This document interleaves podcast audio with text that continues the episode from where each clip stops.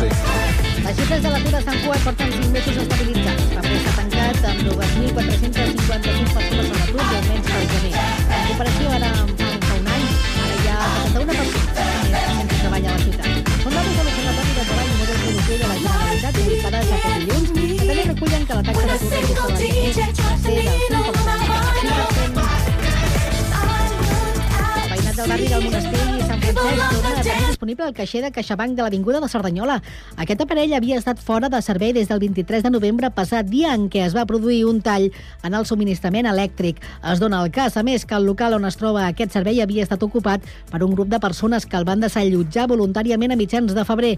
CaixaBank, propietària de l'immoble, va penjar-hi un cartell d'en venda. Policia local de Sant Cugat i la Policia Nacional de Terrassa han detingut una persona com a responsable d'una plantació de marihuana coberta a Mirasol. Els cossos de seguretat han intervingut 981 plantes, en total 164 quilos. A més, també han requisat 5 quilos de marihuana que ja estava a gesta per distribuir. El detingut, que ja es troba a presó a instàncies del jutge de Guàrdia, se li atribueix un delicte contra la salut pública i d'haver comès un frau elèctric de 716.000 euros.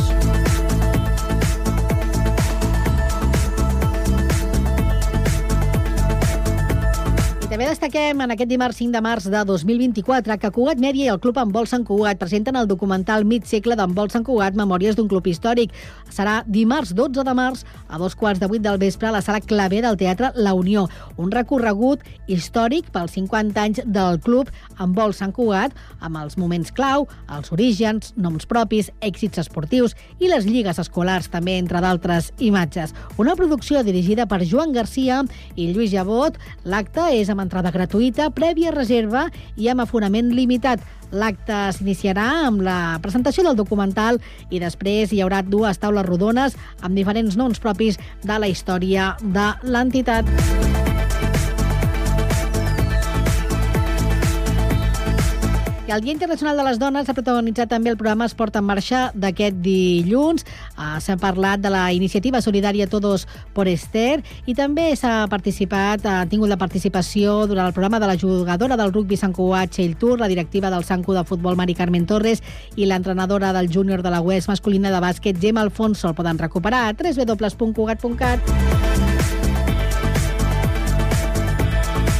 Cugat Mèdia, la informació de referència a Sant Cugat.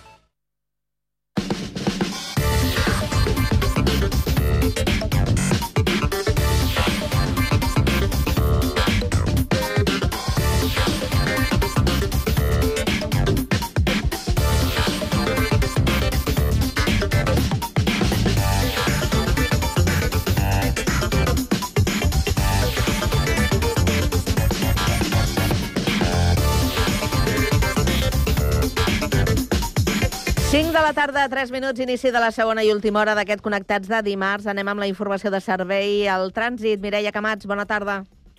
Hola, bona tarda. Situació complicada en algunes vies. A l'autovia 2 hi ha 7 quilòmetres de retenció de Cornellà a Sant Feliu de Llobregat en sentit Martorell per un accident que talla un carril. A la C32, a l'autopista del Maresme, hi ha 2 quilòmetres de quart Argentona en sentit Palafolls per un accident que deixa només un carril obert per circular. A més, també hi ha un quilòmetre de cua a Cabrera de Mar a la mateixa via en sentit Palafolls per un altre accident, un segon accident que hi ha hagut i que talla un carril. De retruc es veu afectada la C60 amb 3 quilòmetres de retenció a Argentona en sentit Montero per enllaçar amb la C32, amb l'autopista del Maresme.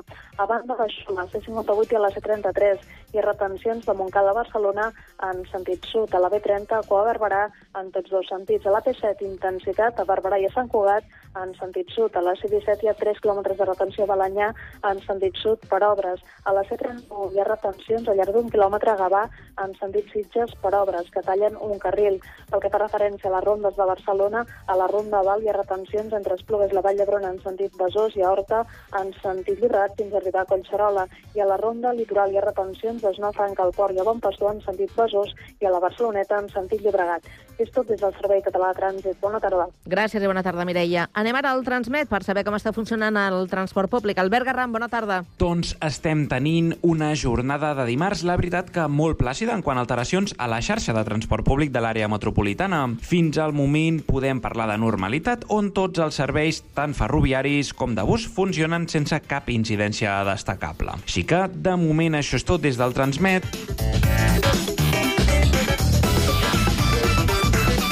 A la tarda, no et desconnectis. A la teva ràdio local, connectats. Can't touch this. You can't touch this.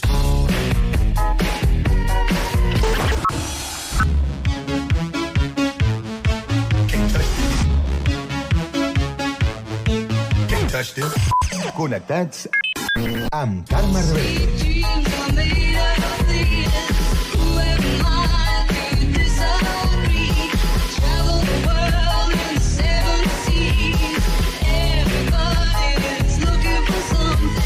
Connectats. Una experiència radiofònica a Sabadell, Terrassa, Sant Cugat, El Prat, Castellà i Badalona.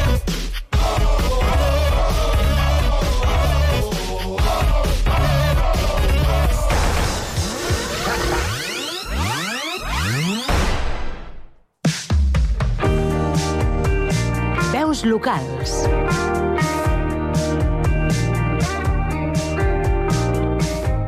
Aquest podcast és una producció de Ràdio Sabadell.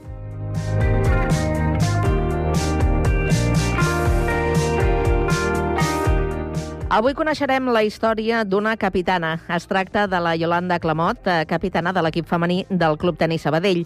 Després d'entomar algun revés de la vida, la Yolanda va connectar una sèrie de decisions personals per seguir trepitjant la terra batuda, descobrint la seva bona mà en aquesta producció de Ràdio Sabadell amb el Pau Duran. En el context del Club Tenis Sabadell, el lloc ideal per poder tenir aquesta conversa amb la Yolanda Clemot. Gràcies per atendre'ns. Bon dia a tu, gràcies a tu. Tu recordes a quina edat vas agafar la primera raqueta? Sí, jo vaig agafar la primera raqueta als 4 anys al Club Esportiu Ciutat Badia, que el meu pare jugava amb els seus amics i jo anava arrossegant la raqueta amb una pilota i anava per allà pel frontó emprenyant-los. I què va passar? O no va ser en aquell moment que vas dir, ui, això a mi em tira?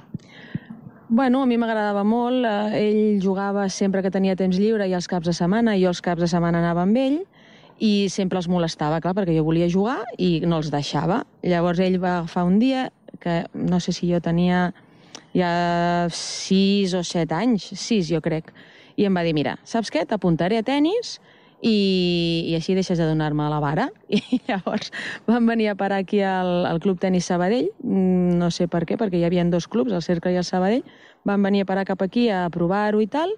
Uh, de seguida vaig fer una prova amb el Ramon Carbonell, que és un entrenador de tota la vida d'aquí, i em va dir, no, no, tu has de venir i tal, i, i vaig començar. Uh, jo crec que, quan, que tenia quasi set. I a partir d'aquí, mm, què? Divertir-se, disciplina... Quines sensacions vas anar tenint al llarg dels anys?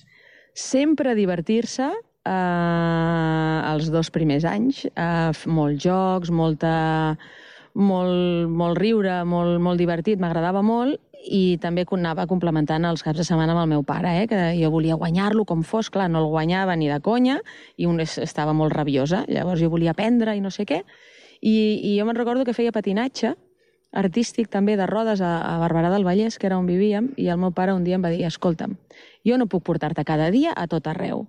Uh, has de triar, o fas patinatge o fas tennis. Però com que jo encara no el guanyava, jo havia de fer tennis fins que el guanyés.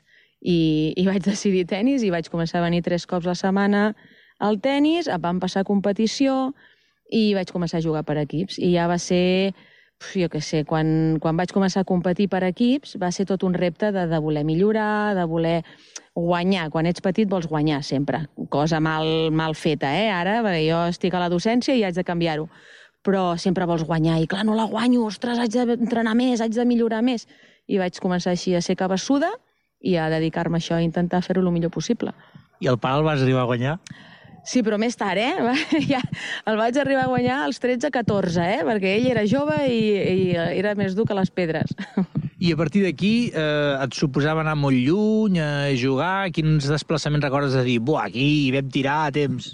Aviam, uh, jo haig d'agrair, no li he dit mai, però haig d'agrair al meu pare que va estar sempre a darrere portant-me tot arreu, pobre home, perquè abans um, a nivell de club no, no ens acompanyàvem gaire i hi havia molts pocs tornejos. La veritat és que ara hi ha moltíssims tornejos de caps de setmana, però abans només competíem a l'estiu i els campionats de Catalunya per equips, no hi havia res més. Llavors, eh, el meu pare es passava els tres mesos d'estiu que jo tenia vacances portant-me a, cada setmana un torneig per tota Catalunya, on hi havia. El torneig, els tornejos d'estiu eren els tornejos que, que nosaltres podíem jugar, els que volíem competir. I, I la veritat és que recordo tota la vida fins als ah, 14 anys que em va agafar Federació Catalana, eh, vaig estar dos anys allà, em portava ella a tot arreu, eh, tots els estius. Després ja, ja anava amb la, amb la federació. I amb la federació què tal? Amb la federació va ser una altra etapa molt xula, amb nenes de, de nivell similar, nens també de nivell similar, amb els mateixos objectius, tothom volia jugar bé tennis...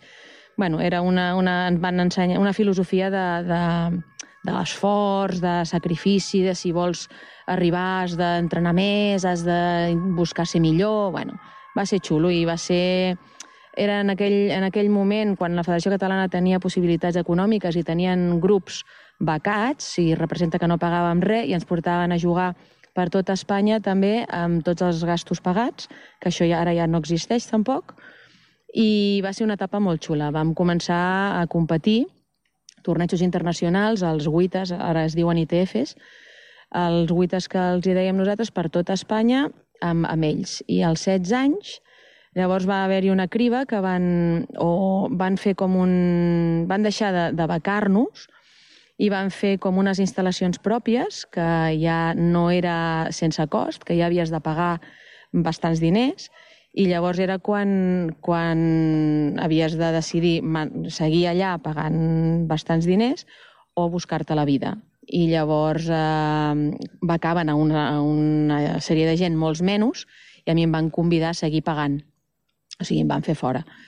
I llavors... Gràcies, no? Sí, moltes gràcies per tot, eh, però creiem que ja no, ja no tens eh, projecció. Llavors vaig venir aquí al club, vaig parlar amb el Josep Maria Arenas i el Jordi Morral, que en aquell moment tenien una escola de competició als matins de 5 o 6 jugadors entre 18 i 20 anys que també volien jugar bé, i em van dir que, que sí que cap problema, que em feien un lloc, un forat, i bueno, vaig començar a entrenar aquí, va ser també una altra etapa diferent, molt xula.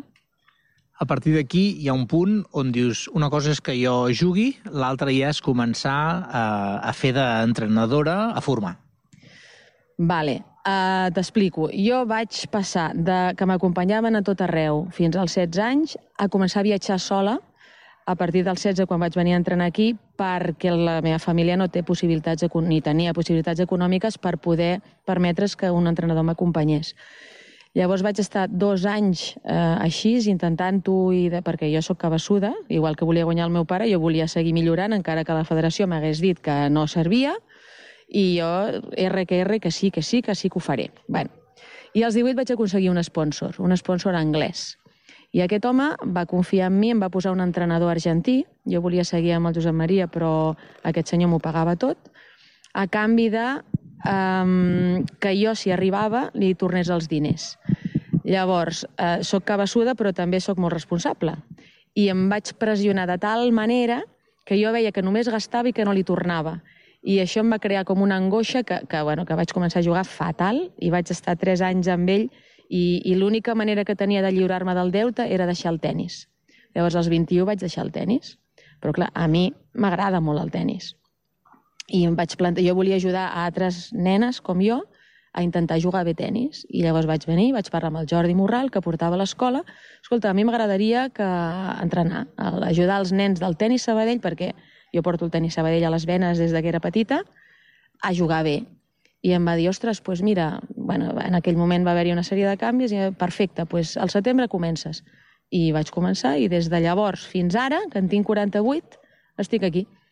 Entenc per això, amb això que has explicat, que el, el tennis, evidentment hi ha la part física, tècnica i tal, però el fet de guanyar, bàsicament, està aquí el, el coco.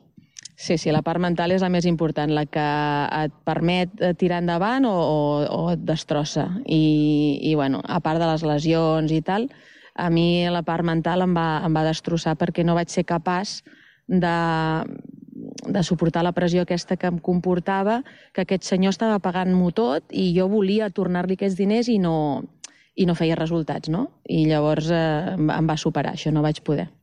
I això ho pots treballar ara amb la gent a la que tu formes? Aviam, amb la gent al que jo formo intento que es pressionin el menys possible. I parlo amb els pares per intentar que els pressionin el menys possible i que facin de pares. És complicat perquè bueno, cadascú és com és. Ha, les nenes normalment es mengen molt més al cap que els nens, els nens són més, mm, perdona, eh? més simples que els hi dic jo, llavors ells no es plantegen tantes coses i, i juguen més, són més juganers i més competitius. Les nenes sí que eh, han de fer-ho tot perfecte, perquè si no, perquè clar, llavors es mengen molt al cap, però jo intento que la pressió sigui zero. O sigui, jo els intento explicar que primer s'ha d'aprendre i quan ja domines, llavors ja mirarem de guanyar. O sigui, que es pressionin zero per guanyar. No sé si ho aconsegueixo, però és la filosofia que tenim aquí. Et diuen capitana? em diuen capitana, sí, clar. Ets la capitana. Sí, bueno, de molts equips, sí, però també ja tinc companys que fan... És que hi ha tants equips, ara ha canviat tot tant, Pau, que és, és, eh, treballem molt tots els que estem aquí i som capitans tots, de tots. Però trobes que ha canviat a millor o Aviam, ha canviat a millor pels nens perquè tenen moltes oportunitats de competir, de jugar, tenen mil. Clar, llavors sempre hi ha eh, els extrems, no? Llavors hi ha els pares i els nens que es flipen, que juguen quatre tornejos alhora, que als 13-14 anys ja no jugaran perquè estan cremats, i els que fan cas, que van jugant, van entrenant, van jugant un torneig, quan acaben fan un altre, que tenen una projecció esportiva molt més llarga que, que aquests i tenen més oportunitats per jugar millor. Està clar. Llavors, per això ho fa molt el, el tema de la família, el tema del de, pare que t'escolta i que et diu vale, vale, pues jo segueixo, o el que veu que, jo que sé, que el nen li juga bé i és un flipat i diu, ostres, aviam si aquest em traurà de pobre, saps? O sigui, hi ha molts d'aquests. Llavors, eh, cadascú té, pot fer el que vulgui, perquè això s'ha convertit en un... Hi ha tants llocs per anar a entrenar que al final fan el que volen. Poden, si, no, si no els agrada el que els hi dius, se'n poden anar a una altra banda i a sentir el que els agrada, saps? Que déu, que déu torejar amb això també. Escolta, com a capitana, mm, quin, quines medalles et pots penjar? Allò de dir, eps, compte que vam aconseguir això, eh? Bueno, aviam, eh, nosaltres hem aconseguit, que fèiem molts anys que no passava, guanyar el Campionat de Catalunya Infantil Femení. O sigui, nosaltres el Campionat de Catalunya per equips havíem guanyat pocs. Vam aconseguir un júnior, eh, un júnior femení també, eh, campionat de divisió 2 i vam pujar a primera i llavors estem fent bons resultats a nivell cadet, algunes semifinals, i això està bé. Per mi, com a... no era capitana, era entrenadora, però jugava encara als equips eh, absoluts d'aquí del club.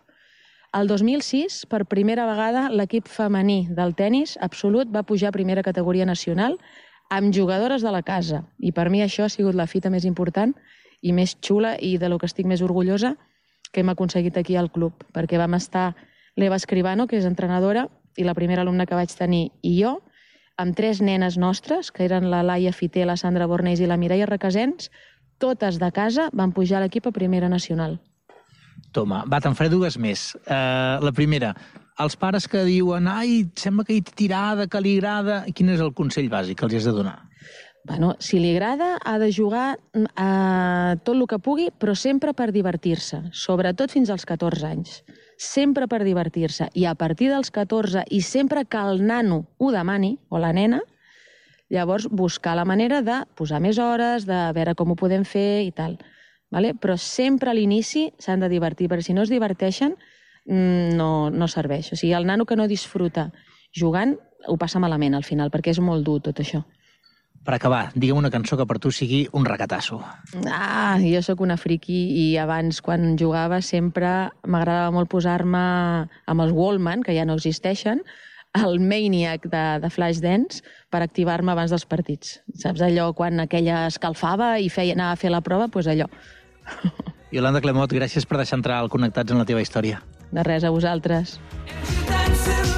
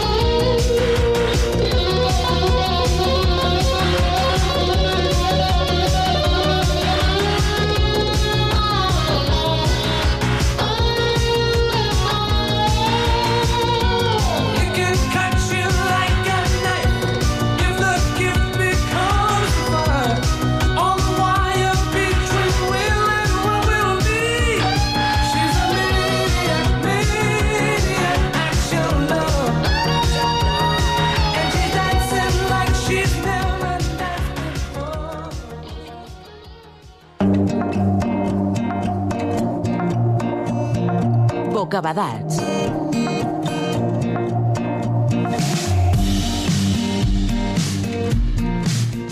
5 i 22 eh, minuts, eh, de seguida entrarem en matèria pel que respecta a la secció de llengua, però anem amb l'actualitat, perquè precisament eh, a Badalona, al principi d'aquest eh, programa, el nostre company eh, Santiago Espasa ens informava d'un tiroteig que s'havia produït al mig de, del carrer aquest migdia, precisament en aquesta ciutat. Volem saber si hi ha novetats. Santiago, bona tarda. Bona tarda, Carme. Doncs per ara l'autor encara no ha estat detingut i han sigut fins a quatre trets que ha rebut l'home tirotejat i ara està sent operat d'urgència. Diversos veïns han pogut captar el presumpte autor i l'únic que sap és que anava amb una perruca i amb ulleres. Per ara no sabem res més. I amb tota la tranquil·litat del món, perquè hem pogut veure algunes imatges captades per alguns veïns de, de la zona i la veritat és que s'ho ha pres amb molta, amb molta calma, fins i tot amb temps de tirar enrere, no? eh, com intentant reaccionar a la, inter, a la interpel·lació d'algú de, dels voltants. La, el ferit, la persona ferida, sabem eh, si és eh, un home, una dona... Sí, eh, és un home que sortia d'un centre de drogodependències que, estava allà, que està aquí a Badalona i just sortir doncs, ha rebut el, el tiroteig. Mm -hmm. Bé, doncs, eh, fins que acabem el programa, com que avui acabarem pràcticament amb tu, Santiago, si hi hagués alguna sí. novetat, eh, la incorporarem. Ara deixem de banda eh, aquest, eh, aquesta informació i ens centrem en la que corresponia a aquesta secció, perquè avui us volem parlar de la Comissió de Peticions del Parlament Europeu, presidida per Dolors Montserrat, promou les tesis de l'espanyolisme contra la immersió després de la visita dels eurodiputats al desembre a, Bar a, a Barcelona per avaluar in situ la immersió lingüística. Avui parlem precisament eh, d'aquesta qüestió amb la Marga Paiola, coordinadora d'Internacional de Plataforma per la Llengua. Molt bona tarda, Marga. Hola, bona tarda. Bé, ens centrem en aquesta qüestió per saber quins són els punts clau de Plataforma per la Llengua eh, que troba més preocupants en l'esborrany de l'informe d'aquesta comissió. Bé, doncs, una mica per posar en context, doncs que eh, hi ha una comissió que es diu de peticions al Parlament Europeu que va enviar una missió d'eurodiputats, un grup d'eurodiputats per, a Catalunya per analitzar el sistema d'immersió lingüística. Aleshores, eh, a nosaltres ens va estranyar molt, eh, primera perquè aquest tema s'ha debatut sis vegades al comitè de peticions, quan normalment la majoria de peticions no es debaten ni una vegada perquè hi ha molts temes a tractar. Per tant, és un tema que la Dolors Montserrat ha volgut anar allargant en el temps. Després també ens ha sorprès que la Unió Europea no té competències ni en educació ni en llengua. Per tant, la majoria de casos, tots els casos que arriben en aquesta comissió de peticions, s'arxiven, perquè si no és competència de la Unió Europea ja no es tracten. Per tant, no entenem per què mm, aquesta carpeta segueix oberta i no s'ha arxivat com la resta. Um, per tant, nosaltres creiem que aquest viatge és un mal ús de diners públics, perquè si la Unió Europea no té competències, per què s'han gastat diners en enviar eh, eurodiputats i pagar-los el viatge eh, a, a Catalunya. Eh, la, la representació dels eurodiputats no era plural, perquè tot el que són els grups d'esquerres europees i socialistes no van participar en aquesta, en aquesta missió perquè ja veien que estava mm, esbiaixada. I la majoria de persones amb qui es van reunir els eurodiputats tenien manifestament eh, eh tenien opinions manifestament contràries al model d'escola en català. Per tant, nosaltres creiem que tot això mm, hi havia una mani manipulació prèvia eh, que després ha afectat doncs, el resultat de l'informe. Uh -huh. eh, per tant, quina valoració feu des de Plataforma per la Llengua de la decisió de la Comissió de Peticions d'enviar l'informe al Tribunal Constitucional? Uh, bueno, aquest informe ara encara està en, en fase d'esborrany. S'han presentat esmenes per part dels eurodiputats i ara s'han de votar aquestes esmenes. Uh, per tant, encara no és definitiu, però mm, si, fins a, si hem arribat fins aquí, segurament doncs, aquest informe tirarà endavant per les majories de dreta que té aquest comitè eh, i, per tant, doncs, eh, bueno, nosaltres ja ens hem queixat a la presidenta del Parlament Europeu perquè no acceptem, doncs, eh, no acceptem aquest tipus de, de declaracions quan aquesta, aquesta cambra, el Parlament Europeu, ha votat moltíssimes vegades eh, a favor de la protecció de les minories lingüístiques de, de la Unió Europea i, per tant, aquest informe és contrari a això. Ataca als, als catalanoparlants, no? Mm. I, per tant, doncs, no l'acceptem i, i, i esperem doncs, que a la votació surti rebutjat, com han demanat diversos eurodiputats. Jo, Marga, eh, bona tarda. Et volia preguntar eh, quins són aquests punts del report que més us preocupen com a Plataforma per la Llengua? Um, bueno, uh, ens, per exemple, doncs, um, que demana... Eh, o sigui, l'informe en general eh, té afirmacions que no són certes. I ens preocupa molt també, per exemple, les declaracions del president del Tribunal Superior de Justícia de Catalunya, doncs que, que considera que, que hi ha famílies a les escoles que, que són víctimes de xenofòbia i que pateixen assetjament. I, per tant, tot l'informe mm, diu coses que, que, no, que no hi estem gens d'acord. I, per tant, no acceptem cap conclusió i, per tant, mm, demanem que, que, que aquest informe no, no sigui vàlid. Clar, perquè eh, quines mesures eh, específiques proposeu vosaltres per abordar aquestes acusacions d'exclusió social, intimidació o assetjament Clar. escolar per part d'aquestes famílies? Bueno, és que aquesta gent mm, creiem que, que, que aquestes estan exagerant i que això mm, no acaba de ser cert, no? Tothom que porta els nens a l'escola veu que les famílies eh, catalanoparlants i castellanoparlants viuen amb normalitat i, per tant, mm, bueno, el, que, el que interessa eh, a, a segons qui, doncs, a, potser a la família política de la Dolors Montserrat, és fer veure que a Catalunya doncs, eh, no, es discrimina els castellanoparlants, que barregen tot, no? el tema del procés, i que, que aquí és un caos, i això no és veritat. Hi ha una... Mm, desvirtuat, s'ha desvirtuat la, el que és eh, la convivència a Catalunya. Clar, llavors, eh, quines són les vostres propostes doncs, per contrarrestar aquesta percepció negativa i les afirmacions aquestes sesgades recollides en aquest informe? Perquè aquesta Clar, percepció nosaltres... ha canviat, ara, millor arran d'aquesta visita dels eurodiputats. Eh, bé, nosaltres creiem que no ha canviat perquè, eh, ja et dic, els socialistes europeus no han jugat aquesta carta, eh, eh no, no s'hi han sumat. Eh, els de l'esquerra europea, els verds europeus, tampoc s'hi han sumat i han criticat aquest esbiaix, per tant, no tothom ho veu. I, i per tant, eh, qui s'hi ha sumat, no? Eh, qui s'hi ha sumat? Doncs s'hi ha sumat la família política europea del Partit Popular, de Vox i de Ciutadans, no? que en aquest moment tenen majoria i, per tant, doncs, tenen la capacitat de, de, de fer aquests informes. I després, quan veus la llista d'eurodiputats que han participat en aquesta visita, doncs veus clarament doncs, que, que, que aquest informe és coherent amb la seva manera de, de pensar. Però no és, eh, en cap cas, la realitat a Catalunya. Marga... A més a més, també voldria dir... Sí, digues, digues. Perdona. Endavant. No, doncs que al desembre Sí, que al desembre doncs, el relator de minories de Nacions Unides precisament es va pronunciar sobre el tema de la immersió lingüística a Catalunya i, i està molt preocupat per aquestes sentències del 25%. Per tant, eh, eh, és contradictori amb aquest informe dels eurodiputats. Eh, jo et volia preguntar, Marga, si teniu constància que hi hagi algun altre precedent amb alguna eh, actuació similar eh, per part de la Comissió de, de, de Peticions amb alguna altra comunitat lingüística de la comunitat europea.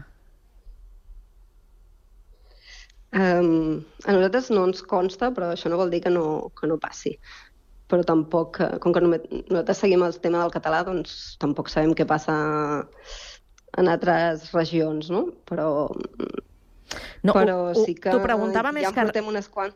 Mm, T'ho preguntava més que res, Marga, per saber si és una manera d'actuar, si és la manera de procedir eh, habitual o no, per, eh, per contextualitzar.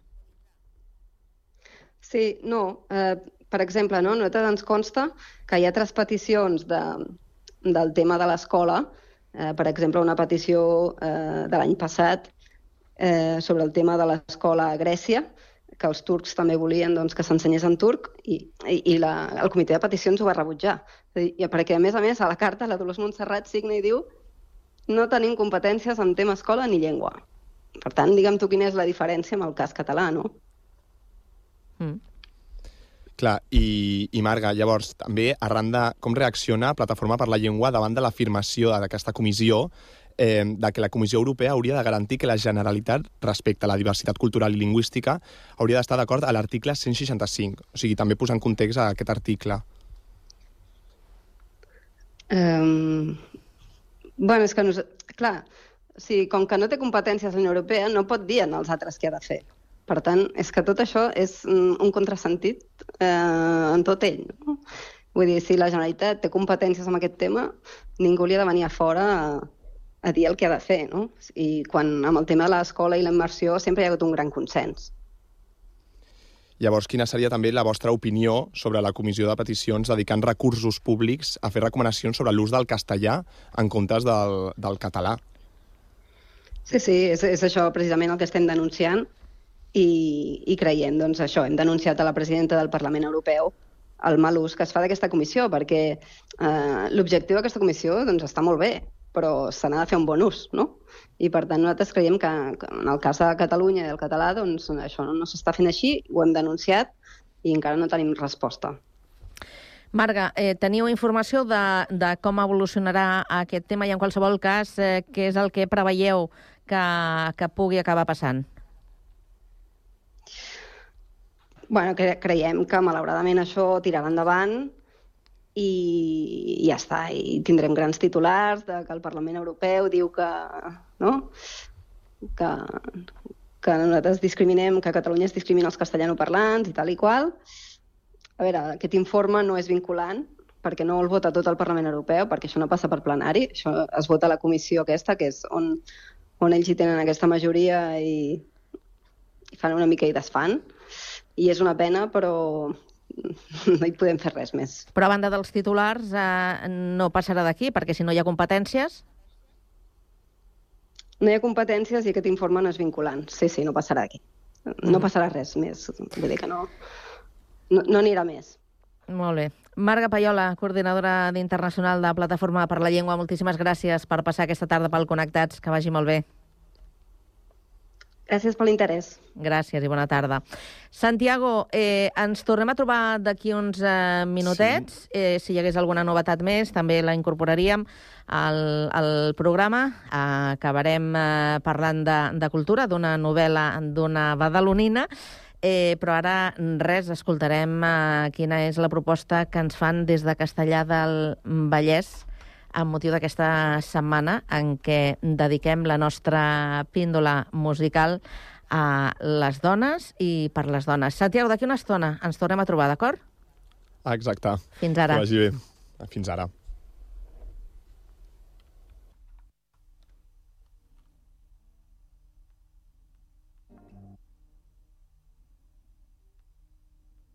Hola, sóc la Cristina Domene i la cançó escollida és Eso que tu me das, de Pau Donés. Vull fer un reconeixement i donar les gràcies a totes les dones del meu voltant, mare, companyes, amigues, per fer-me la vida més fàcil i més bonica. Visca la sororitat!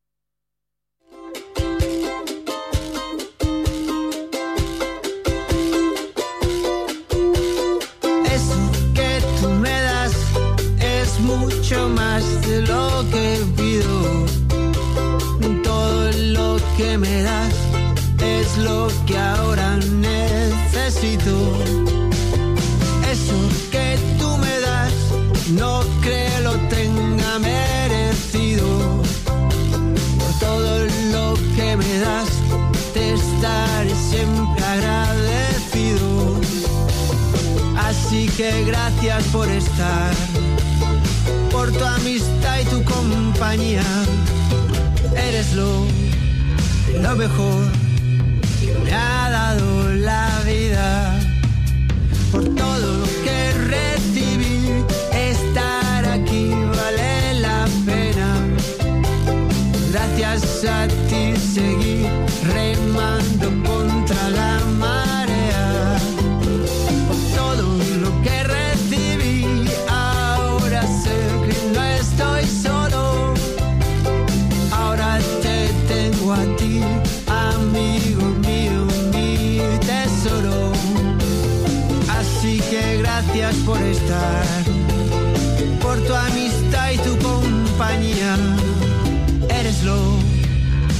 mejor.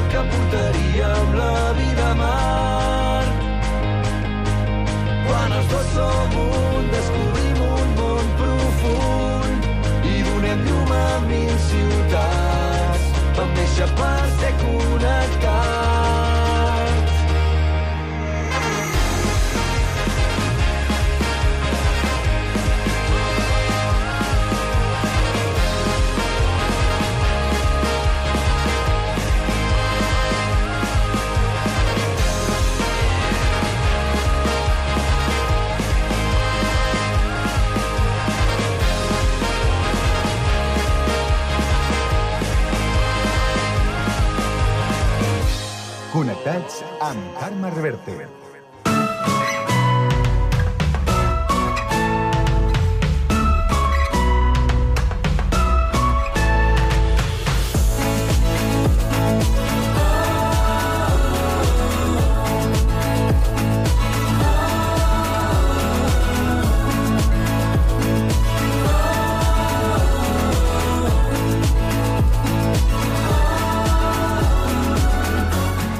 Des de ben petita sempre li va agradar llegir i fa poc, a partir de les seves vivències amb l'ajuda de la seva vocació en psicologia, va decidir publicar la seva primera novel·la, El rincón de l'olvido Atenea. Ella és eh, Sio Lara, que ara mateix es troba als estudis de Ràdio Ciutat de Badalona. Sio, bona tarda. Bona tarda, Carme. Què tal, com estàs? Bé. Espantada una mica Gràcies per, per- per totes les novetats que estan passant a Badalona, no?, avui? Sí, Imagino. sí. Sí, pues, doncs sí, la veritat és que sí. Però vinga, a, a falta d'informacions eh, de les novetats, no sé si hi ha més novetats, Santiago? No, en principi encara no, no hi ha novetats. Molt bé. Doncs eh, escoltarem a la Cio Lara, que avui ha vingut al Connectats a explicar-nos doncs, eh, com ha anat l'experiència amb aquesta novel·la, que no sé si és la primera, Cio. Sí, és la primera novel·la i la veritat és que ha estat una experiència molt enriquidora, Mm. encara que ha estat també molt dura per la situació, però estic molt contenta i sobretot tot estic molt contenta d'haver-la deixada volar, que és el més eh, problema que tenen els autors i sobretot quan són novel·les, de deixar volar les novel·les perquè són nostres, no? I ara ja no és meva, ja és de tots. Mm -hmm. Que t'has emocionat? Mm, Una mica. És que el tema és emocionant. Aquesta novel·la neix... Bueno, com tu has dit abans, jo sempre he estat una enamorada de l'escriptura i de la lectura. Mm. Uh, jo ja sempre he dit que el meu, la meva passió ve des de ben petita perquè tindria uns sis anys, estava avorrida perquè llavors havia de fer la migdiada i no podies fer res, i vaig trobar una novel·la de les meves germanes, una novel·la romàntica, que no tenia ni la portada ni el final, Mm. però que jo, com que estava tan avorrida, doncs vaig començar a llegir i a partir d'aquí vaig descobrir un, un univers. I per aquest avorriment doncs, em vaig aficionar a la lectura i a l'escriptura i, bueno, ha estat part de la meva vida, a banda de la psicologia, que a més a més té molt que veure amb la literatura, perquè la literatura no deixa de ser emocions i psicologia, doncs després vaig dedicar-me a l'educació perquè acompanyar els nens i adolescents ha estat una passió també per mi. I, bueno, i anava escrivint, anava, anava fent poesies i sempre tenia el cap de que quan em jubilés doncs em posaria a escriure de veritat. Mm. Però no t'has jubilat fer- encara? Sí, estic jubilada. Ah, t'has jubilat? Ostres. Sí, sí, sí. per la veu que jubilada. tens no ho sembla, eh? No ho sembla, no? doncs sí, sí, sí. Acabo de fer 65 anys. Mira, doncs escolta, felicitats. Gràcies, Carme. Mm? Eh, eh, em sembla que t'hem tallat. Pots continuar, eh? Perquè no, no, continuarem sí, preguntant. però... Mm, Bueno, a veure, la qüestió és que ja et dic, jo la meva idea des de sempre era quan me'n jubilés, doncs començar a escriure de veritat, encara que sempre he escrit i sempre he escrit poesies. A més a més, jo he, la meva teràpia s'ha basat molt a la teràpia narrativa, vull dir, en la qual cosa m'he passat la vida professional llegint i escrivint cartes i escrivint, i, o sigui, i, i recomanant llibres, perquè penso que els llibres és la millor manera de trobar-nos les emocions, que de vegades no sabem posar-li nom, i en això, mm, els, sobretot als adolescents, els hi ajuda molt. I jo sempre pensava en escriure i tenia un munt d'històries en el cap, perquè imagina totes les vivències de la gent, les històries que et donen per fer. I quan estava a punt de jubilar-me, doncs, eh, bueno, jo em vaig jubilar en 60 anys, eh, doncs va passar una cosa que era per la que jo no estava preparada de cap manera. Jo ja, està, ja m'havia apuntat al grup de teatre de BAP, de l'Associació de Fibromialgia de Badalona, que és una associació magnífica, en un grup de dones magnífiques i que fan una labor increïble. Uh, I després vaig començar també, volia fer pues, això, escriptura creativa, i llavors mm, doncs, a la meva filla li van, li van diagnosticar un càncer de colon. En tan mal pronòstic que no va durar ni un any. Jolín. Llavors, què va passar? Que jo, totes aquestes coses que tenia al cap, evidentment, es van quedar de banda, em vaig dedicar a la meva filla, a viure amb ella i a compartir amb ella i en el meu home i en tota la família la malaltia, que és una de les coses que jo recomano a la gent, perquè jo sempre he dit que gràcies a aquest compartiment o, o aquesta compartició dels, dels sentiments sense amagar-los, cadascú ho ha de fer a la seva manera perquè cadascú són diferents. Però compartir els sentiments i el dolor ens uneix molt i a mi ara és el que em serveix per tirar endavant, per no enfonsar-me. Tot el que he compartit amb la meva filla. Escolta. Sió, com es deia la teva filla?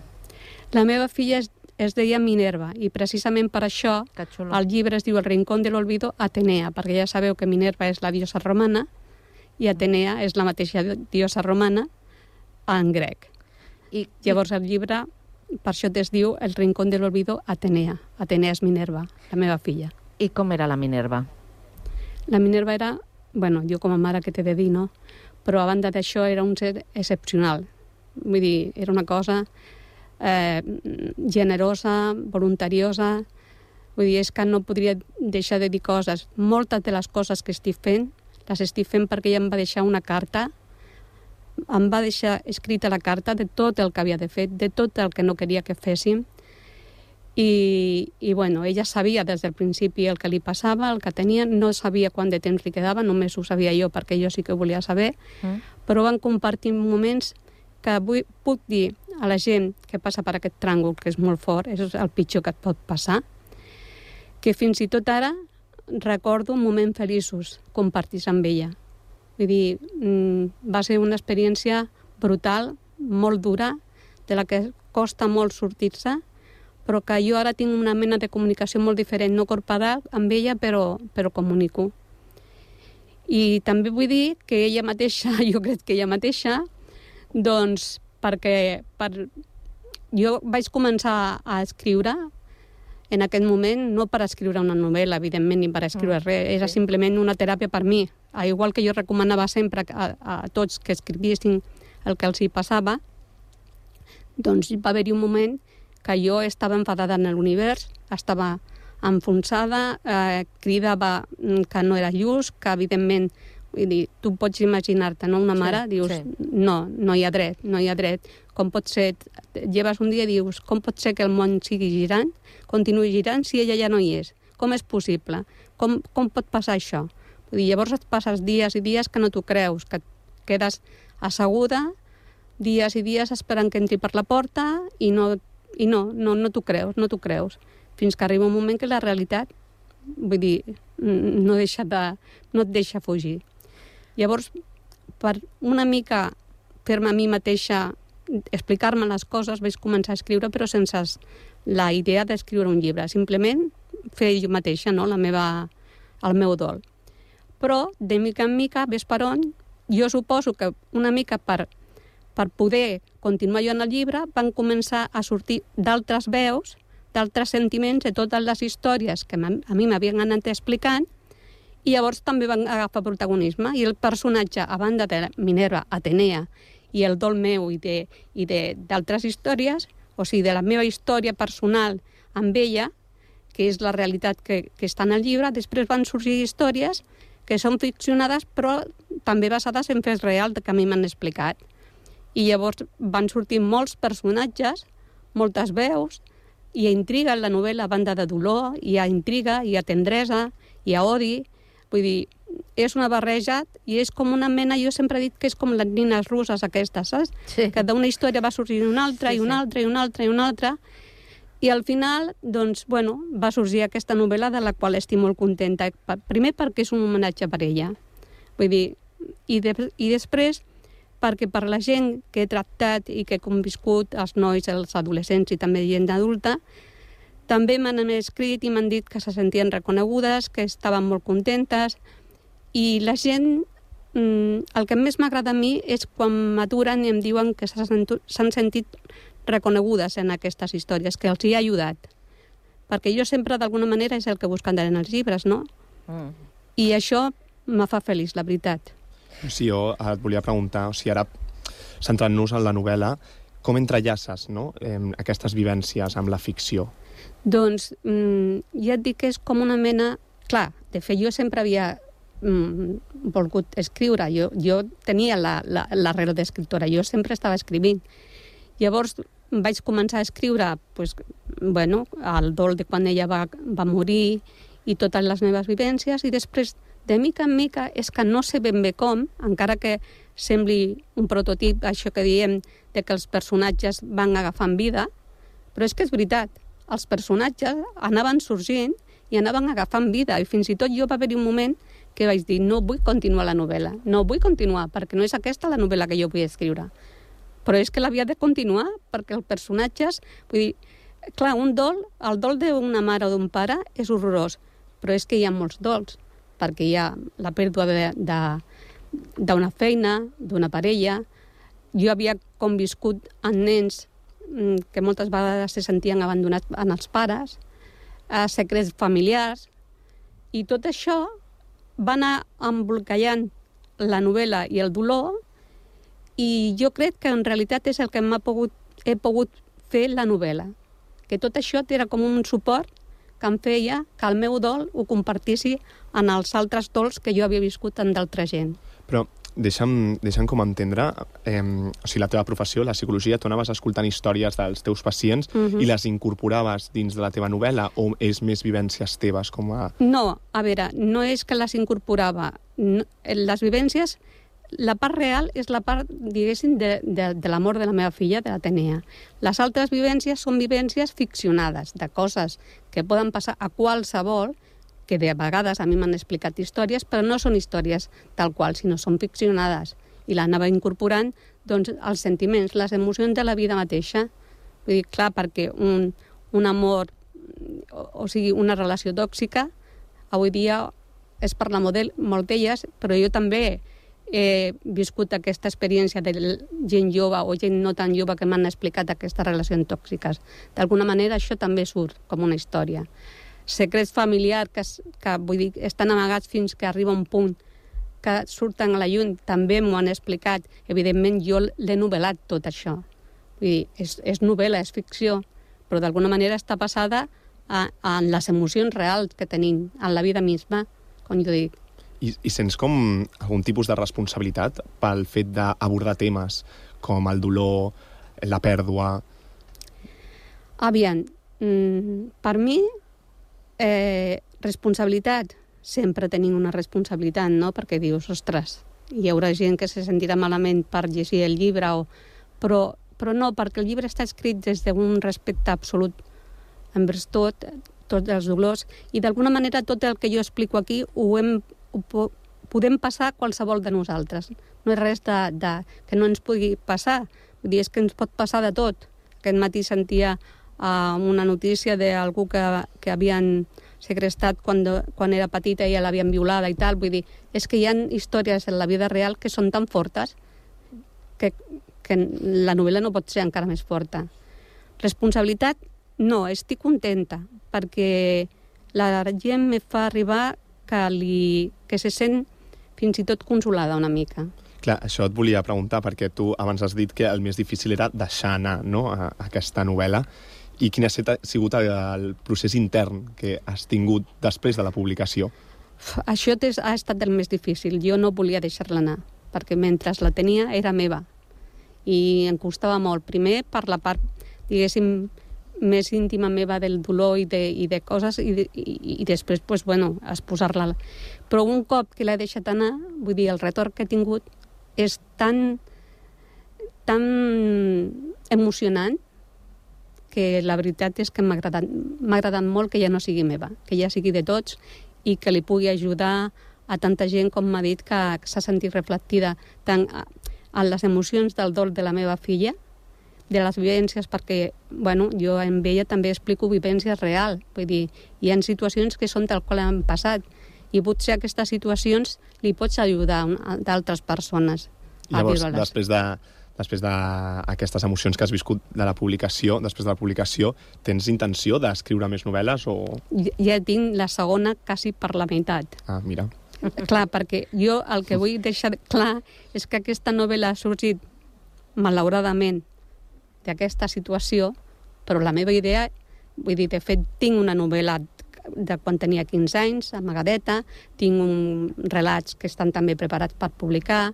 Vull dir, és que jo, la meva idea era començar a escriure, només jubilar-me. De fet, ja, ja havia estat escrivint sempre. Si tinc un munt de cartes d'adolescents que ens intercanviàvem, perquè una manera d'arribar als adolescents és mitjançant l'escriptura. Jo ja eh, escrivia. El que passa és que, clar, aquest llibre ha sorgit així per aquesta situació tan dolorosa.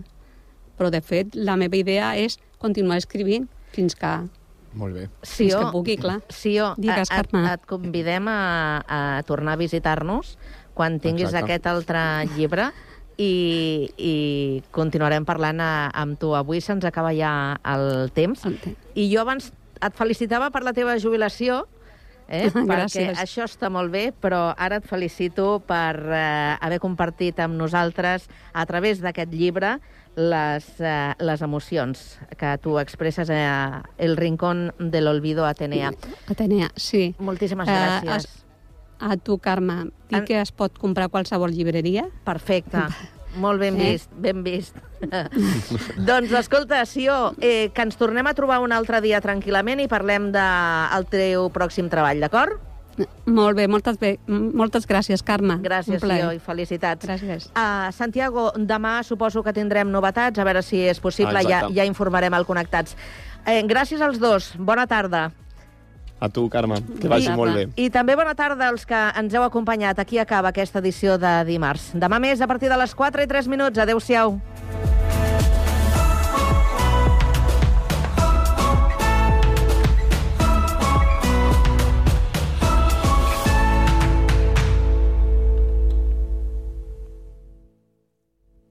La música local a Ràdio Sant Cugat.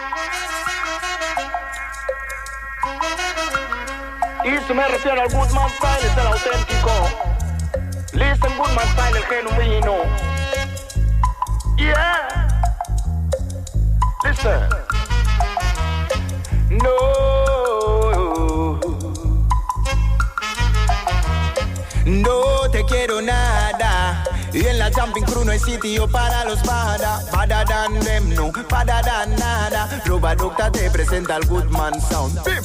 No te quiero nada. Y en la Jumping Crew no hay sitio para los bada. Bada dan them, no, bada dan nada. Robaducta te presenta el Goodman Sound. Ya lo siento, ya lo tengo. El Will con good sentimiento. Vi que no se acerca ningún Batman. Bim, no violento, amo reparto. Voy todo contento y siempre me parto. No me gustan los problemas, no bam bam.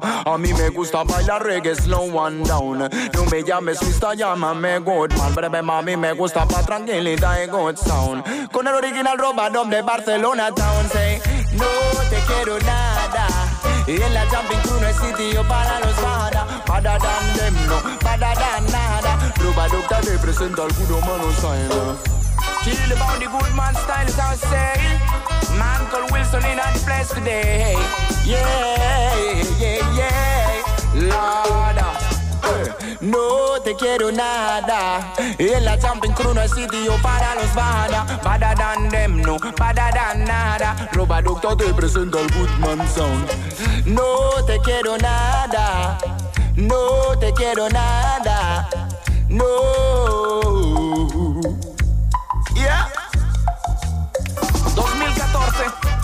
In a roba dub.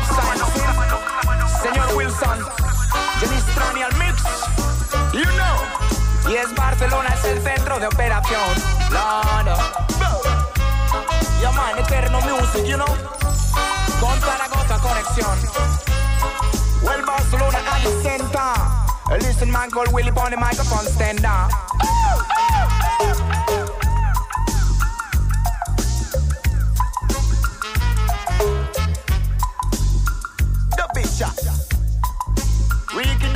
Wickedest. Really, really specialist. What, baby? Romanov style. I'm confident you mean a Romanov style. La música de tots els temps a Ràdio Sant Cugat.